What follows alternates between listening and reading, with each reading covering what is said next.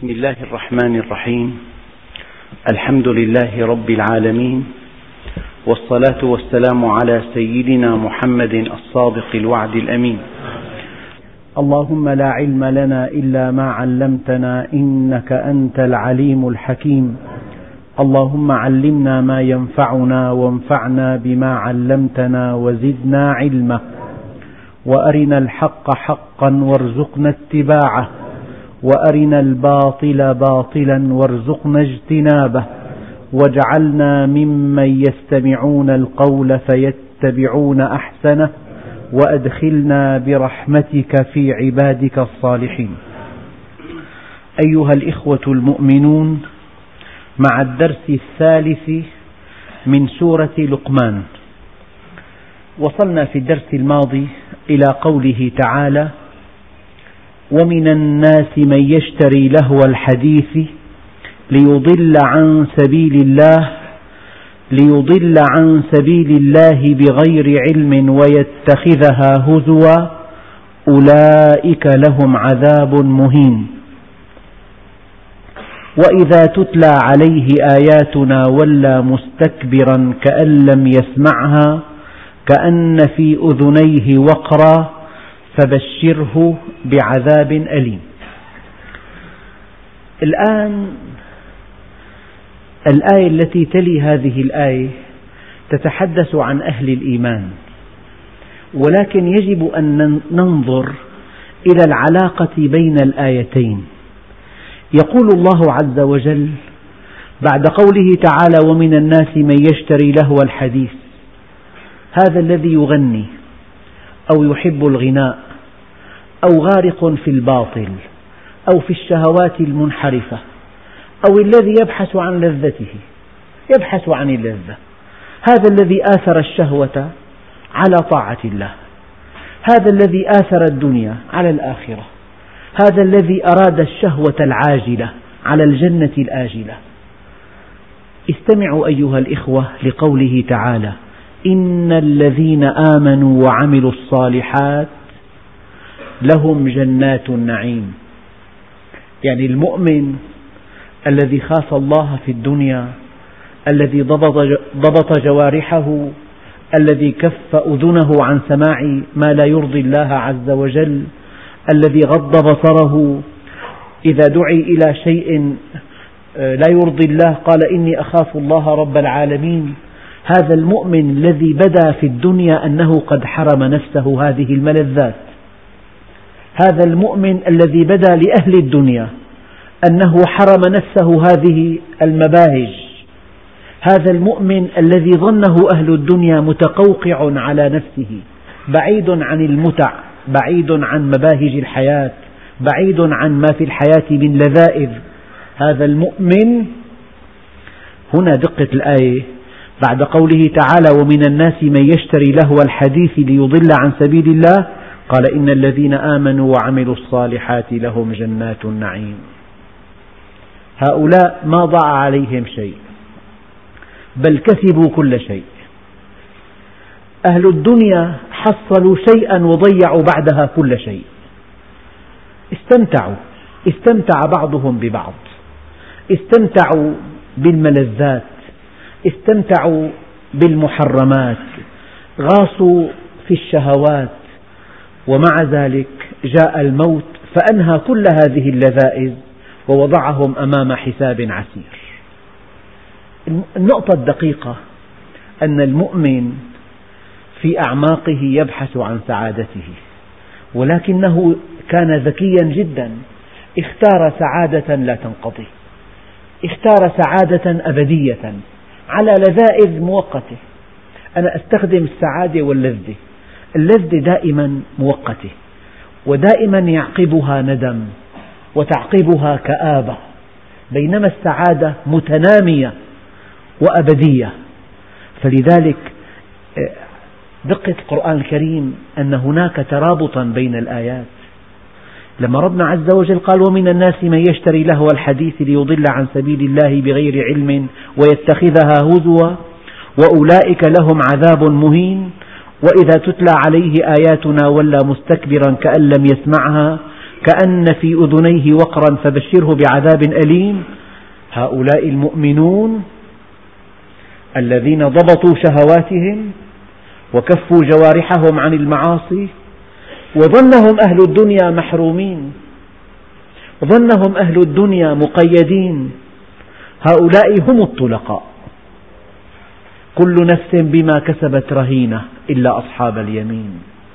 المؤمن طليق حتى إذا دخل قبره يمتد قبره مد بصره. بل إن قبره روضة من رياض الجنة. إذا من هو الذكي؟ هو الذي نال شيئا مؤقتا وضيع الأبد؟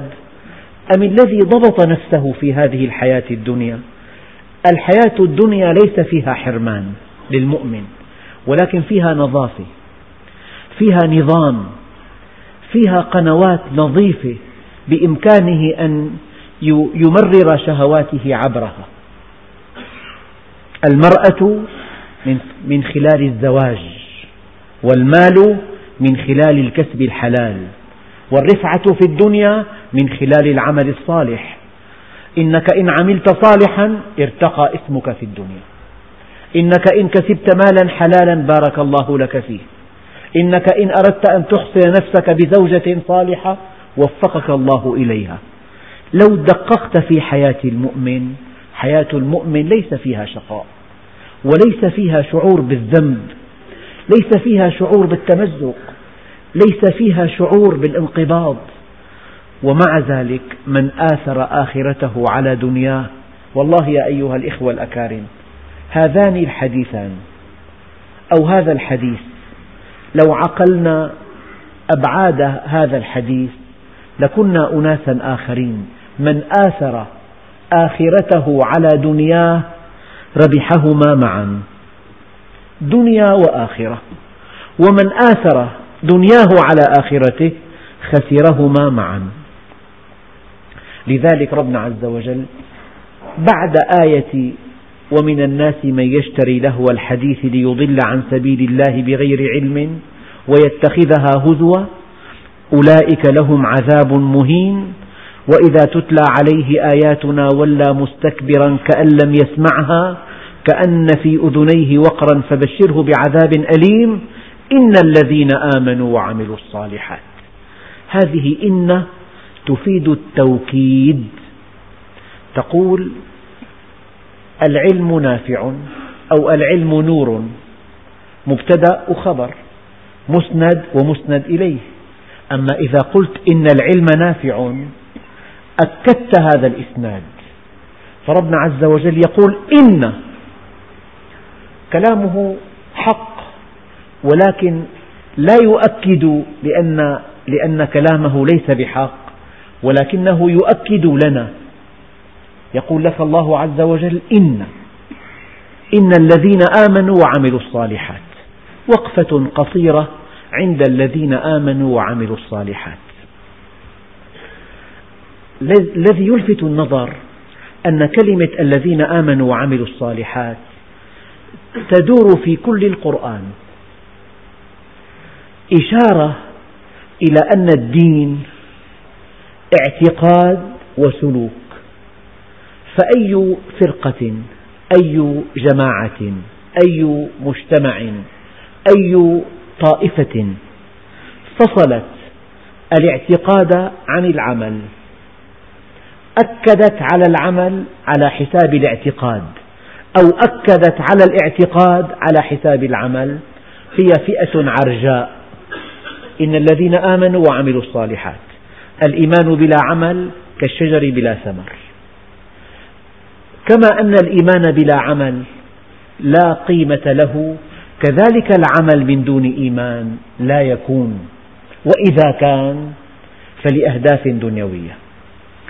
يعني إن واجهت إنسانا محسنا وليس مؤمنا بالله عز وجل إنه ذكي ذكاء اجتماعيا بحيث يحصل متعته الاجتماعية من خلال ثناء الناس عليه.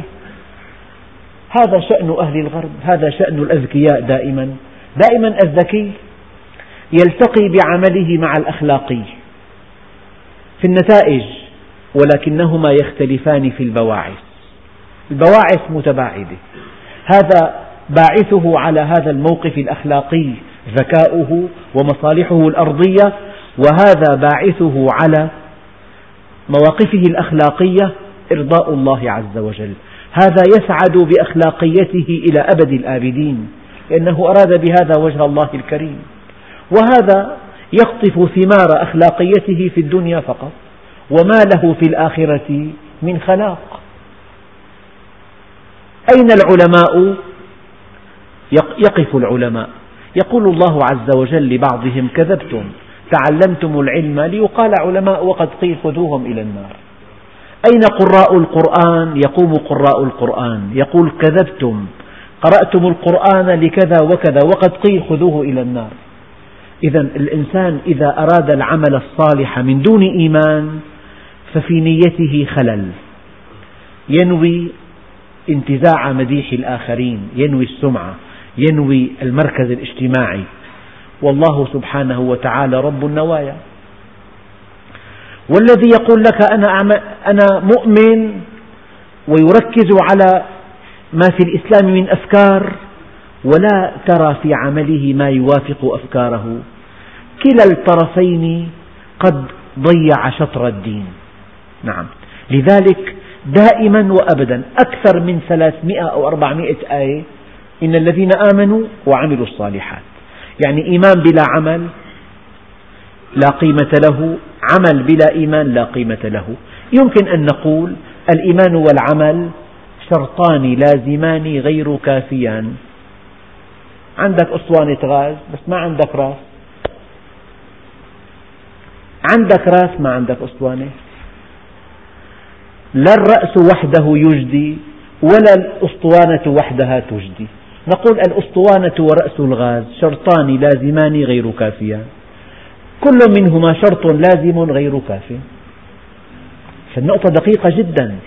إن توكيد إن الذين آمنوا وعملوا الصالحات. افحص عملك دائما. وعملوا الصالحات مطلقة. إتقانك لعملك جزء من الدين.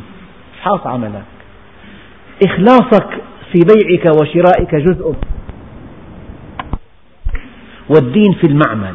والدين وراء الطاولة كموظف والدين في العيادة والدين في المكتب الهندسي والدين في مكتب المحاماة والدين في المهن وفي التعامل. لذلك إن الذين آمنوا وعملوا الصالحات عمل صالحا في مهنته في علاقاته في أفراحه عمل صالحا في أحزانه عمل صالحا في لقاءاته في نزهاته في مرحه في كل نشاطاته الحياتية عمل صالحا. يعني عمل صالحا.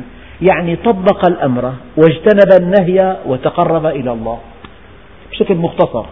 طبق الأمر واجتنب النهي وقدم شيء من ماله أو من وقته أو من علمه أو من خبرته في سبيل الله. فالتزام الأمر واجتناب النهي وبذل المعروف بمجموع هذه النشاطات الثلاثة هو العمل الصالح. وأن تعتقد بأن الله خالق الكون ورب الكون وإله الكون موجود وواحد وكامل. أسماؤه حسنى صفاته فضلى. هذا هو الإيمان به ورسله واليوم الآخر والقدر خيره وشره. هذا الدين كلمات كلمات مجملة. موجزة مكثفة. إن حرف توكيد. إن الذين آمنوا آمن بالله خالقا آمن به ربا آمن به مسيرا آمن به رحيما آمن به حكيما آمن به قديرا آمن به غنيا آمن به لطيفا واحدا.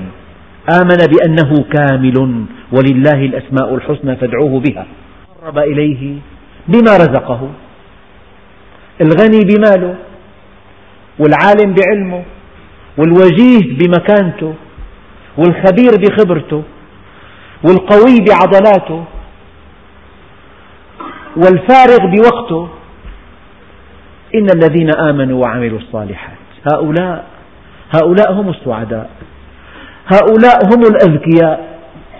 هؤلاء هم الفائزون هؤلاء هم الرابحون هؤلاء هم المتفوقون. هؤلاء متى يعرف تعرف مكانتهم؟ حينما يقول الله عز وجل وامتازوا اليوم أيها المجرمون ابتعدوا عنهم. هلا شوف أثناء العام الدراسي الأوراق مختلطة. كل الطلاب يأتون إلى الساعة الثامنة يرتدون ثيابهم الأنيقة والنظيفة. كلهم طلاب عند أهلهم وعند المجتمع وفي الطريق لابس بدلة فتوة طالب معناته لكن من, من الذي يعرف المجتهد من الكسول؟ هذا يكشف يوم الامتحان أو يوم إعلان النتائج. هناك الفرز. الآن نحن في الدنيا. المؤمن موظف المؤمن تاجر المؤمن صانع قد يكون قد يكون حاجب المؤمن. يأكل ويشرب كغيره من الناس له بيت وله غرفة ضيوف وغرفة استقبال وغرفة نوم ويأكل ويشرب ويعمل. الأوراق مختلطة لكن متى تظهر بطولة المؤمن حينما يقوم الناس لرب العالمين؟ هذا عرف الله. هذا قدم الغالي والرخيص. هذا كان همه مقدسا. همه أن يعرفه همه أن يعبده. همه أن يتقرب إليه. فلذلك إن الذين هؤلاء المؤمنون الصادقون المخلصون الذين كان عملهم صالحا هؤلاء ليس لهم جنة نعيم لهم جنات النعيم. في هناك معنى بالجمع. يعني جنة القرب وجنة الفواكه التي تقدم لهم مما يشتهون وجنة الحور العين. هكذا قال أحد أصحاب رسول الله طلب بشيء فوق طاقته.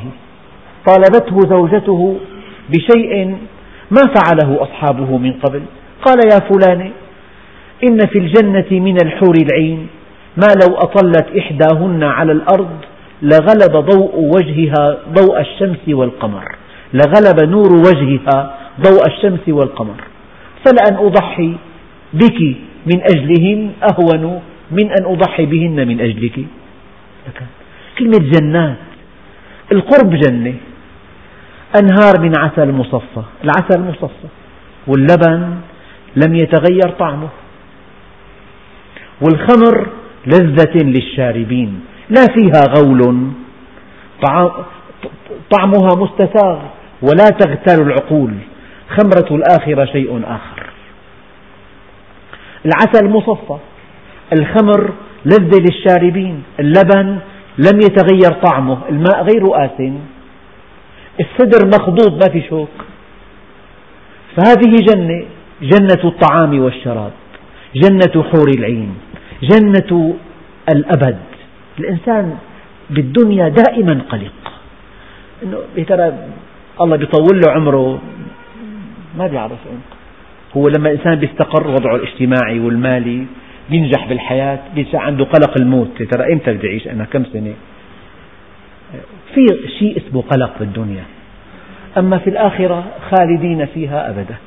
إن الذين آمنوا وعملوا الصالحات لهم جنات النعيم. ربنا عز وجل اختار من من الجنات النعيم لأن هذا الذي يشتري لهو الحديث يتوهم أنه في نعيم النعيم الحقيقي لهؤلاء المؤمنين الصادقين المستقيمين الملتزمين الذين ائتمروا بما أمر الله وانتهوا عما عنه نهى هكذا. إن الذين آمنوا وعملوا الصالحات لهم جنات النعيم. جنات. والنعيم نعيم لا ينقطع. أحد الشعراء قال ألا كل شيء ما خلا الله باطل؟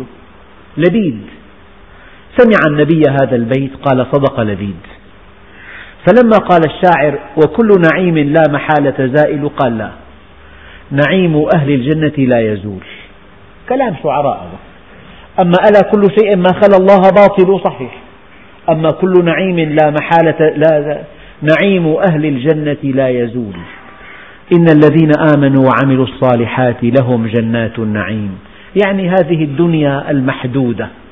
هذه السنوات العشرين أو العشر أو الثلاثين. يعني الإنسان لحتى يستطيع يقول لك أنا بعد أربعين سنة من حياته حتى يقول أنا حتى يعمل كرت يكتب مجاز في الآداب مثلا أو دكتور أو آه، مثلا بورد مثلا.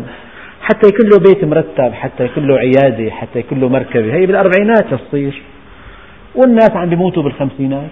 فاشين كل ما مات بتسأل إيه أنت والله 53 52 49 63 60 أبو عشر سنوات العملية كلها عشر عشرين سنة. أن نضيع الآخرة كلها من أجل هذه السنوات العشر. وفيها نكد. أقول لكم هذه الكلمة. أنا أتحدى أن يسعد إنسان في الدنيا وهو معرض عن الله عز وجل. أبدا. ومن أعرض عن ذكري فإن له معيشة ضنكا. ولو كان غنيا ولو كان قويا. سئل, سئل بعض العلماء ما بال الملوك والأغنياء مع هذه الآية؟ قال ضيق القلب. في, بقلب في, في قلب هؤلاء من الضيق والقلق والضعف والخوف والتشاؤم والانقباض. ما لو وزع على أهل بلد لكفاهم. أما إن الذين, إن الذين آمنوا وعملوا الصالحات كانت لهم جنات الفردوس نزلا. الآية الثانية الذي الآية الثانية آه، من عمل صالحا من ذكر أو أنثى وهو مؤمن فلنحيينه حياة طيبة. قرآن كلام خالق الكون. هو الذي يدعوك للإيمان بالقرآن أنه أنك إذا طبقت آياته قطفت ثمارها. هل تظن أن هناك أدلة على إعجاز القرآن؟ هذا هذه الأدلة كافية لا والله. الأدلة الكافية أنك إذا غضضت بصرك عن محارم الله أورثك الله لذة سعادة إلى يوم تلقاه. أنك إذا استقمت على أمره إن الذين قالوا ربنا الله ثم استقاموا تتنزل عليهم الملائكة ألا تخافوا ولا تحزنوا.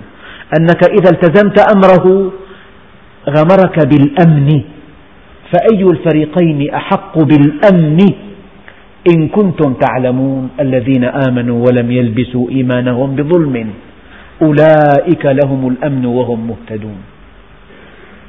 بعض الفنادق ببلاد أوروبا واحد دخل لفندق رأى لوحة على السرير إذا أرقت في هذه الليلة فهذا لا يعود إلى نوع الأثاث ولا إلى الفراش بل إلى ذنوبك أنت. إذا واحد ارتكب معاصي ارتكب موبقات تفلت من منهج الله عز وجل تحرك حركة عشوائية قادته نفسه استهدف هواه هذا شقي. يعني في في بالإيمان سعادة لا يعرفها إلا من ذاقها. إذا إن الذين آمنوا وعملوا الصالحات لهم جنات النعيم خالدين فيها. معنى خالدين في معنى إضافي على الاستمرار. أيام الإنسان يقبع بمكان سنوات عشر سنوات خمسين عام. أما كلمة خالدين خلد إلى الشيء مال إليه. يعني هذا الاستمرار مع الميل مع السعادة مع السرور. مو معنى الخلود يعني الاستمرار فقط. لا. الخلود في معنى آخر. معنى السعادة المتعاظمة السعادة المتنامية. الإنسان مهما كان مكان جميل يجرب الإنسان. لو جلس بمكان جميل أول يوم فرحان كثير ثاني يوم ثالث يوم. أقصى شيء جمعة لك والله ملينا. بيكون أجمل مكان وسط جبال خضراء مطل على ساحل جميل. ما في عنده هموم. الأماكن الجميلة في الدنيا متعتها محدودة. واسأل سكان بلد جميل مالين. اسأل إنسان عنده شرفة مشرفة على الشام لك والله من شهر ما فت له. اسأل إنسان في عنده حديقة جميلة والله من, من كذا شهر ما فت له. الجمال في الدنيا محدود والجمال في الدنيا يمل. لما ربنا قال خالدين فيها معنى الجمال في الآخرة متجدد. لو لم يكن متجددا ومتناميا لما كان الإنسان فيها خالدا. الخلود يعني الميل المستمر. يعني أنت واقف بشرفة قطار واقف القطار مهما كان منظر جميل بتوقف خمس دقائق بعدين بتقعد تمل القطار إذا ماشي عم ينقلك من وادي لوادي من جبل لجبل. من بحيرة لبحيرة ما دام في تجدد ما في ملل. أبدا. إذا لا يكون الإنسان في الدنيا خالد في الآخرة خالدا إلا إذا كانت المتع متجددة ومتنامية. متجددة ومتنامية. هذا معنى خالدين فيها. إيه الله عز وجل قال أعددت العباد الصالحين ما لا عين رأت ولا أذن سمعت ولا خطر على قلب بشر. يعني كل مشاهداتك لا تعرف لا, لا تفيدك في, في توقع ما في الآخرة. وكل مسموعاتك لا تكفي وكل خواطرك. مع أن ما لا عين رأت دائرة المشاهدات محدودة جدا. كل واحد منا بيعرف خمس ست بلاد بالعالم. والله فلان بيعرف اليابان ما شاء الله. وأمريكا بآن واحد. وأفريقيا وأستراليا. هذا نادر جدا. هذا بيعرف أوروبا هذا اليابان هذا آسيا هذا بس الأردن هذا بس مثلا راح لتركيا هذا راح على العمرة فقط. المشاهدات محدودة. أما المسموعات أنت بتسمع بالأخبار 200 بلد بالعالم.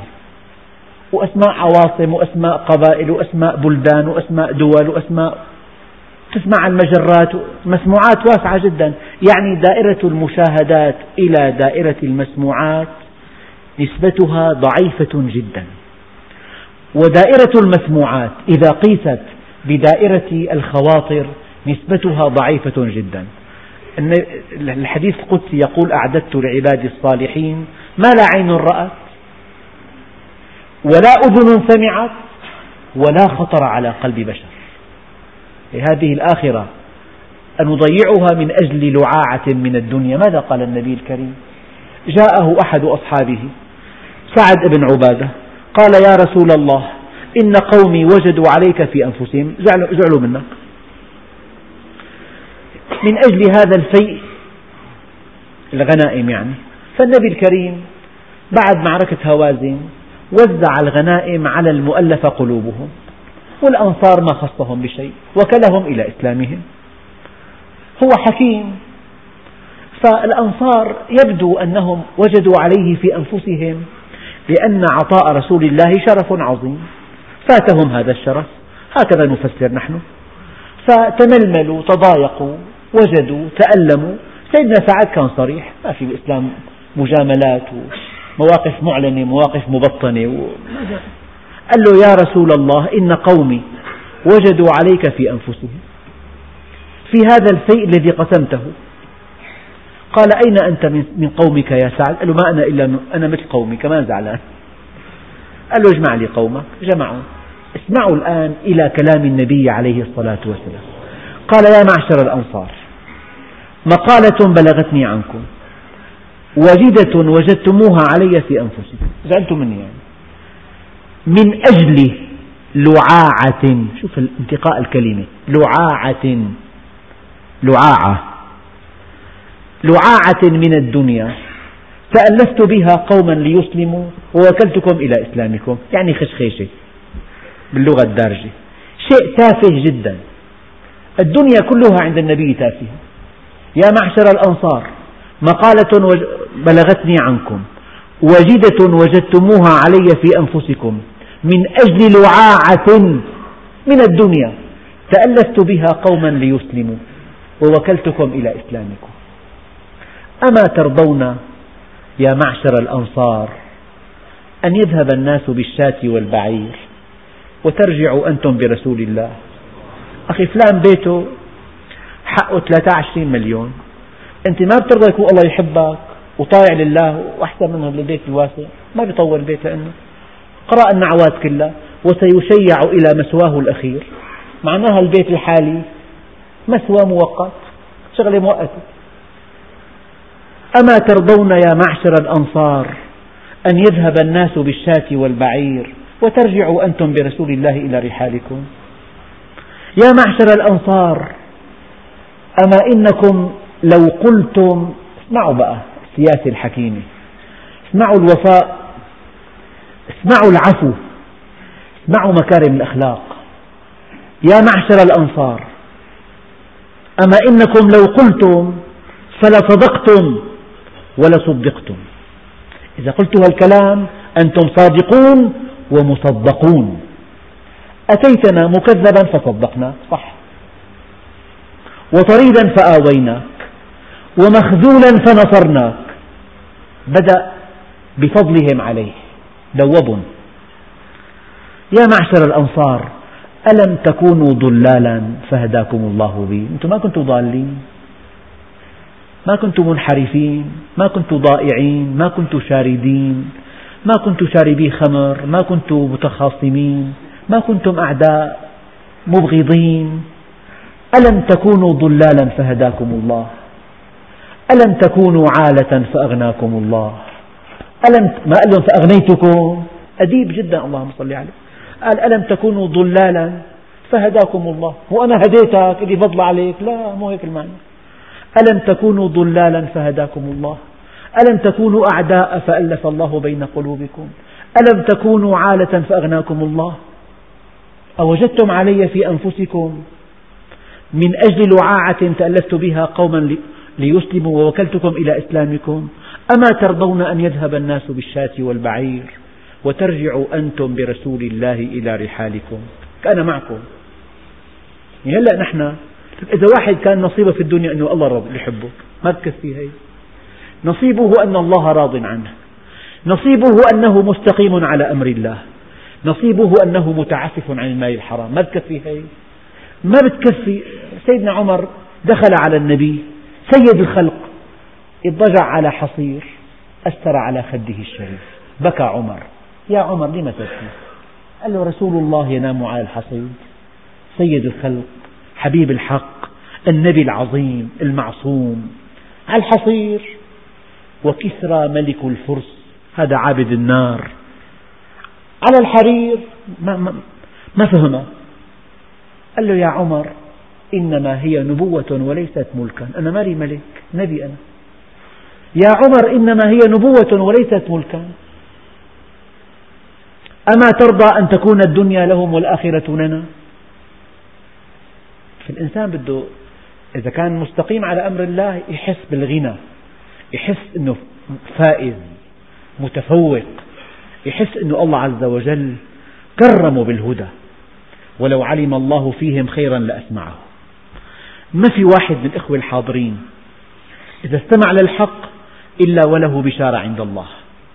البشارة أن الله علم فيه خيرا والدليل أسمعه الحق. ولو علم الله فيهم خيرا لأسمعه.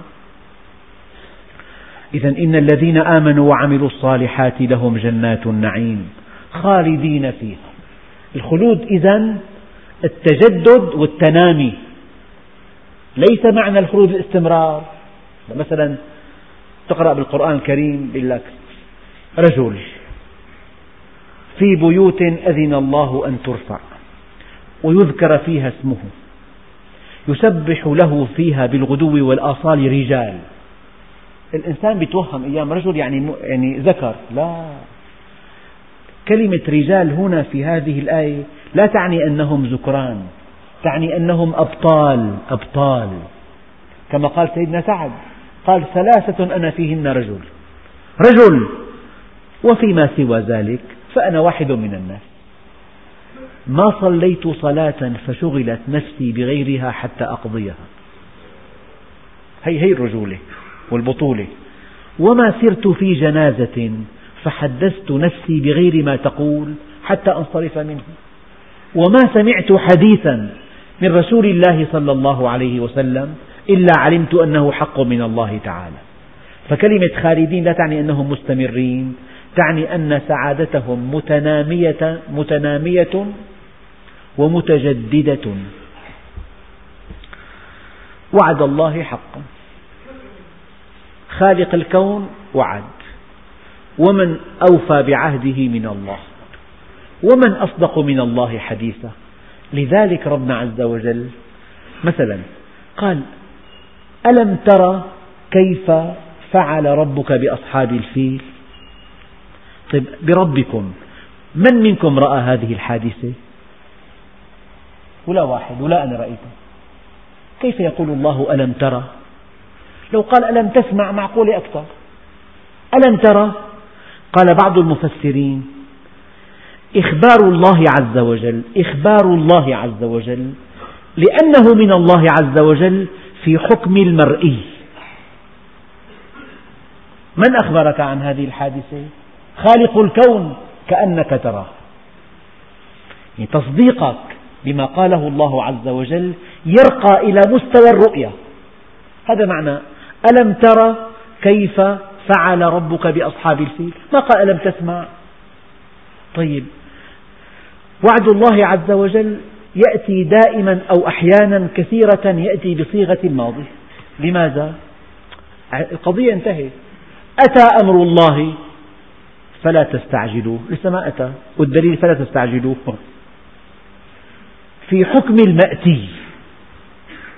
إذ قال الله يا عيسى ابن مريم أأنت قلت للناس اتخذوني وأمي إلهين من دون الله؟ قال سبحانه. ما يكون لي أن أقول ما ليس لي بحق. إن كنت قلته فقد علمته. تعلم ما في نفسي ولا أعلم ما في نفسك. إنك أنت علام الغيوب. ما قلت لهم إلا ما أمرتني به. أن اعبدوا الله ربي وربكم. وكنت عليهم شهيدا ما دمت فيهم. فلما توفيتني كنت أنت الرقيب عليه. هذا الشيء لم يحصل بعد. هذا الشيء سيحصل يوم القيامة. كيف قال الله؟ إذ قال الله يا عيسى لأن إخبار الله عن المستقبل في حكم الماضي. إخبار الله عز وجل عن شيء لم تره في حكم رؤيته.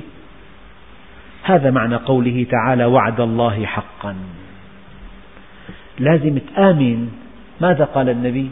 قال كأنني بأهل النار يتصايحون وكأنني بأهل الجنة يتنعمون. كأنه رأى وأنت كمؤمن إن لقيت إنسان منحرف لك أن تقول كأنني أراه سيحاسب. كأنني أراه سيعالجه الله عز وجل. وإن وجدت إنسان مستقيم وفي ضائقة مادية شديدة قل وأنا معك. قل كأنني أراه سيوفق. كأنني أراه سينصره الله عز وجل. الآن بالامتحان لأنه. أبدا. إن وجدت إنسان مستقيم اتفاءل خالق الكون وعده. مين أنت؟ خالق الكون وعده. يعني من عمل صالحا من ذكر أو أنثى وهو مؤمن فلنحيينه حياة طيبة. فهي الحياة المنغصة مؤقتة. هي امتحان. الإمام الشافعي سئل أندعو الله بالتمكين أم بالإبتلاء؟ فقال الإمام الشافعي لن تمكن قبل أن تبتلى. فأي مؤمن طالب رضاء الله عز وجل في قدامه امتحان. هل تريد ما عند الله أم تريد الله؟ من أحبنا أحببناه ومن طلب منا أعطيناه ومن اكتفى بنا عما لنا كنا له وما لنا. من اكتفى بنا عما لنا كنا له وما لنا. وعد الله حقا. يعني زوال السماوات والأرض أهون على الله من ألا يكون وعده حقا. فإذا وعد المنحرف بالدمار قول كأنه دمر. من أخذ أموال الناس يريد أداءها. أدى الله عنه. وفقه. ومن أخذ أموال الناس يكون ذكي جدا. وأخذ احتياط بالغ. يريد إتلافها. رأينا بأم أعيننا أتلفه الله. هذا قول سيدنا سعد. وما سمعت حديثا من رسول الله صلى الله عليه وسلم إلا علمت أنه حق من الله تعالى. يعني إذا النبي أخبرك عن الله بشيء ما ينطق عن الهوى إن هو إلا وحي يوحى. يعني لك أن تقول كأنني أرى وعد الله قد وقع وكأنني أرى وعيد الله قد وقع. هكذا قال النبي كأنني بأهل الجنة يتنعمون. هذا أحد الصحابة قال قال له كيف أصبحت يا فلان؟ قال له أصبحت كأنني أرى أهل الجنة يتنعمون وأهل النار يتصايحون. قال عبد نور الله قلبه عرفت فالزم. إذا أنت مثلا شاهدت إنسان راكب مركبة وماشي بانحدار شديد وأنت متأكد ما معه مكبح. وتراه بعينك ماشي بسرعة عالية جدا. ألا تقول لا بد من أن يتدهور؟ قانون حتمي لأنه لسه ما تدهور يطول بالك. على أول منعطف. شيء قطعي إن لقيت مثلا متفجرة وإلى فتيل طويل وشعلنا أول فتيل؟ شو بتقول؟ بعد قليل سوف تسمع صوت انفجار. من الفتيل ماشي لأنه شيء بديهي جدا. فقوانين ربنا عز وجل حتمية الوقوع. هو الخالق لأنه هيك قال عز وجل. خالدين فيها وعد الله حقا وهو العزيز الحكيم. ما علاقة العزيز الحكيم بوعد الله حقا. إذا أنت وعدك إنسان وعد وعلى الوعد أجيت قال لك والله ما تأخذنا ما تمكنت ما بيصغر شوي بنظرك هو ما بيستحي شوي أمامك. من هو العزيز؟ الذي لا ينال جانبه. لو أن, لو أن الله عز وجل وعد المؤمن ولم يفي بوعده ما عاد عزيز. لأنه عزيز إذا وعد وفى. أبدا. يعني إله لا رد لقضائه. ما في جهة ثانية تجبره. واحد أحد فرد صمد. صمداني. يعني قل هو الله أحد الله الصمد. يعني وجوده ليس مفتقرا إلى شيء آخر. الإنسان يقول لك والله ما قدرت ما تمكن يبدأ من فوق توقيع. ما وافق يا أخي. دائما في عنده أعذار. أما ربنا عز وجل خالق كل شيء كن فيكون. لو أن أولكم وآخركم وإنسكم وجنكم وقفوا على صعيد واحد وسألني كل واحد منكم مسألته ما نقص في ملكي إلا كما ينقص المخيط إذا غمس في مياه البحر. ذلك لأن عطائي كلام وأخذي كلام. فمن وجد خيرا فليحمد الله ومن وجد غير ذلك فلا يلومن إلا نفسه.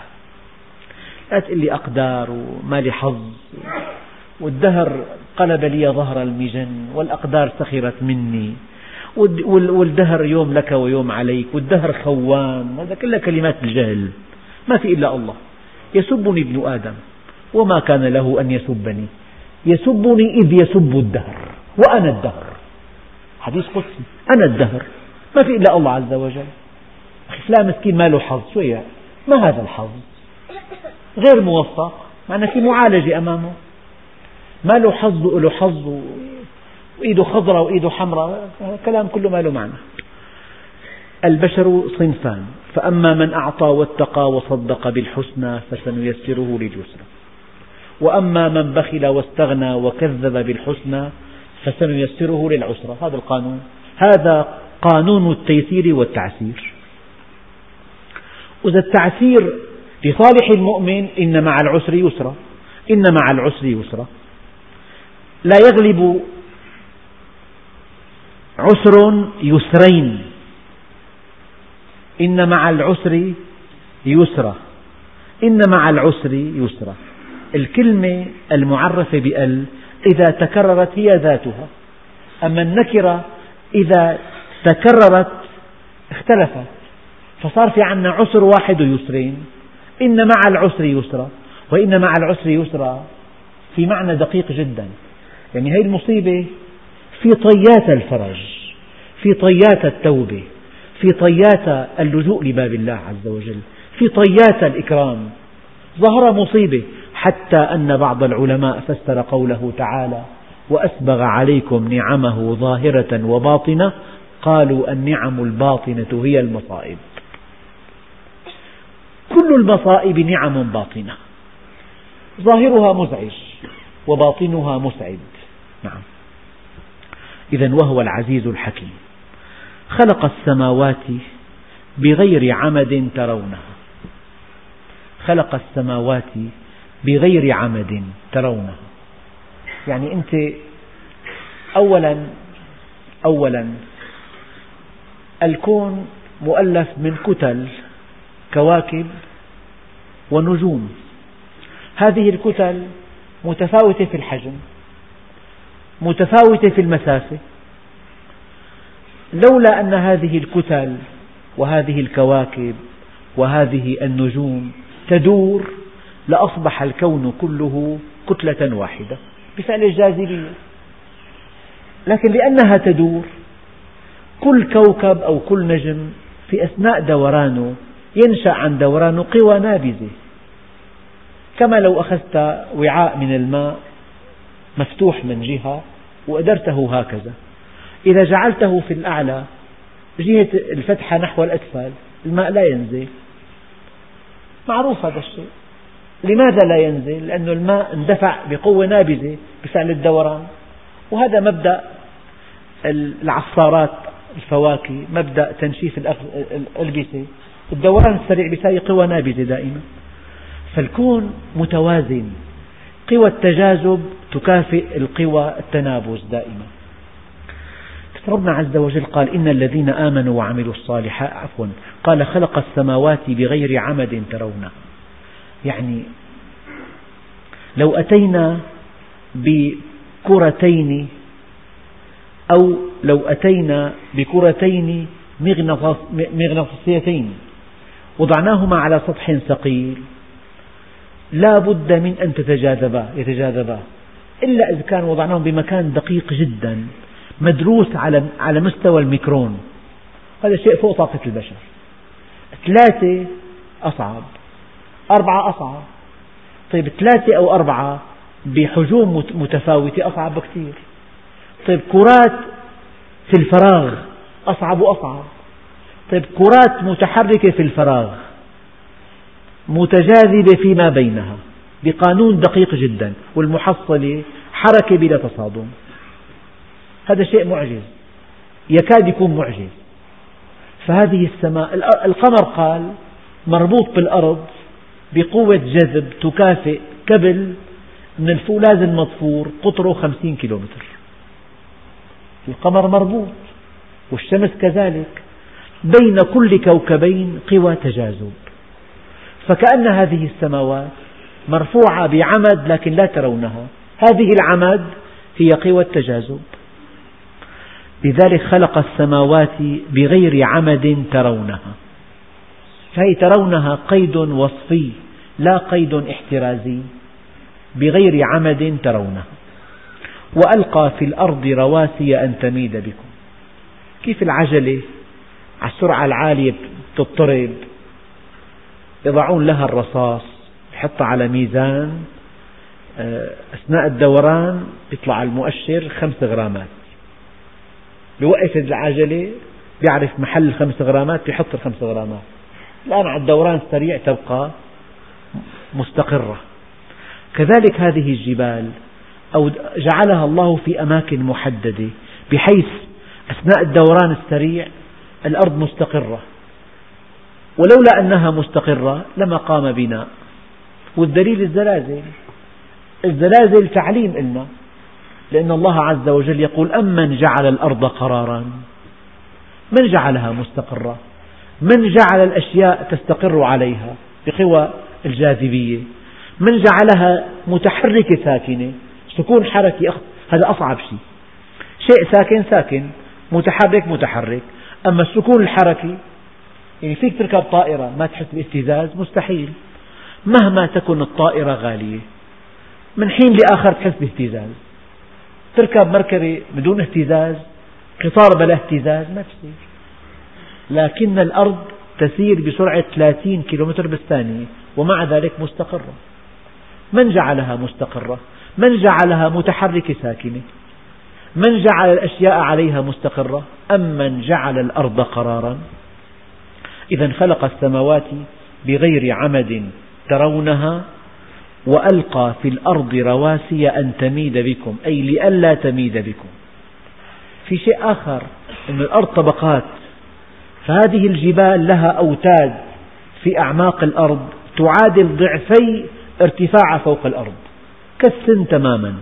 له جذر يساوي ثلثي نتوئه فوق النيرة فالجبل له ارتفاع فوق سطح الأرض وله جذر ممتد في أعماق الأرض. هذا الجذر يربط طبقات الأرض بعضها ببعض. فإذا دارت الأرض لاختلاف كثافة طبقاتها تبقى مستقرة. لو أنها دارت وطبقات متفاوتة في الكثافة لاضطربت والدليل ائت ببيضة غير مسلوقة ودورها تضطرب. لو سلقتها لا تضطرب. بالسلق تصبح متجانسة. من دون سلق تصبح متفاوتة في التجانس. فمن معاني ألقى في الأرض رواسي أن تميد بكم. هذه الجبال جعلها الله كالأوتاد. تربط طبقات الأرض بعضها ببعض. المعنى الآخر الدوران السريع يسبب اضطراب. وضع هذه الجبال في أماكن محددة يجعل الأرض تدور باستقرار تدور من دون اضطراب. وألقى في الأرض رواسي أن تميد بكم. وبث فيها, فيها من كل دابة الأنعام يعني من كل دابة. أنت بحاجة إلى غنم إلى ماعز إلى بقر إلى جمال. بحاجة إلى كلاب للحراسة. يعني هذه الدواب بثها الله في الأرض.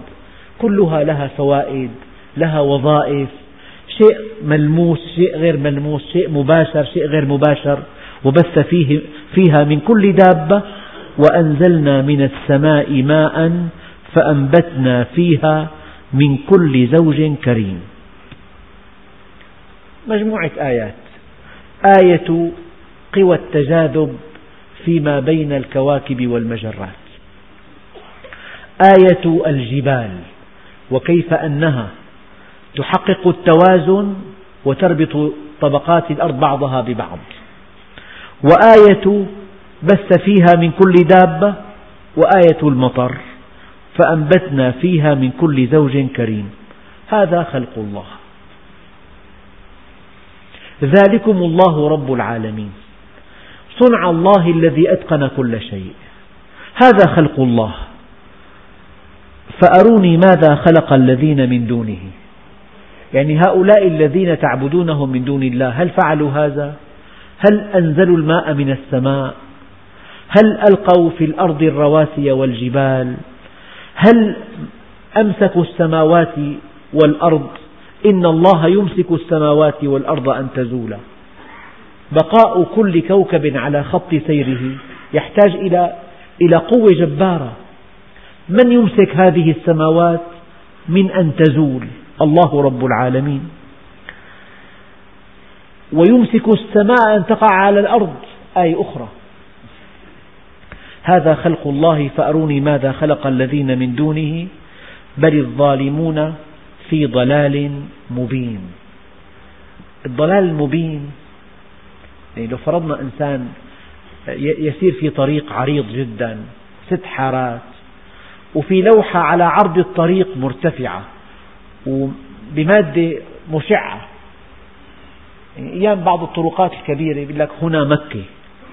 يمكن كلمة مكة عرضت من ممتار فلو واحد رأى هذه اللوحة وسار بطريق آخر نقول هذا ضلال مبين أن اللوحة واضحة جدا جدا. فلأن الحق واضح جدا.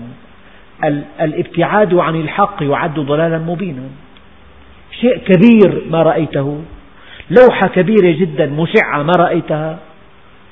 يعني الإنسان لما يضل عن سبيل الله عز وجل مو ليس سبيل الله شيء صعب الإدراك صعب الالتماس لا شيء واضح.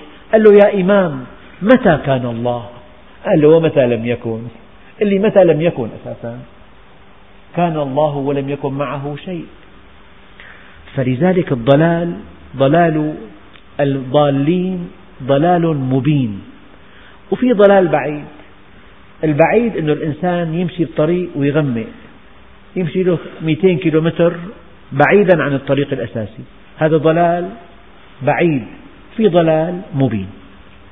إذا هذا خلق الله. فأروني ماذا خلق الذين من دونه. بل الظالمون في ضلال مبين. من هم الظالمون؟ الذين ظلموا أنفسهم بعدم إيمانهم بالله. وهذا أشد أنواع الظلم. أشد أنواع الظلم أن تظلم نفسك. كلمة ظلم دائما الإنسان إذا قال ظلم ينصرف ذهنه إلى ظلم الآخرين. لكن الحقيقة الكبرى أن أشد أنواع الظلم أن تظلم نفسك. أن تحرمها من معرفة الله. أن تحرمها من طاعة الله. أن تحرمها من الإقبال على الله. أن تحرمها من الاتصال بالله هذا الظلم. هذا الظلم الكبير هذا الظلم الذي لا يغتفر. لذلك بل الظالمون في ضلال مبين. المؤمن إذا عرف الله عز وجل وألقى الله في قلبه نورا يرى أهل الدنيا ضالين يراهم تائهين يراهم شاردين يراهم في ضلال مبين يراهم في طريق مسدود. أو طريق ينتهي بحفرة سحيقة ما لها من قرار. هكذا. فلذلك يجب أن تعلم علم اليقين أن أثمن نعمة أنعم الله بها عليك أنه عرفك بذاته وهداك إليه ودلك عليه على ذاته وألهمك رشدك وجعل هذا الشرع بين يديك.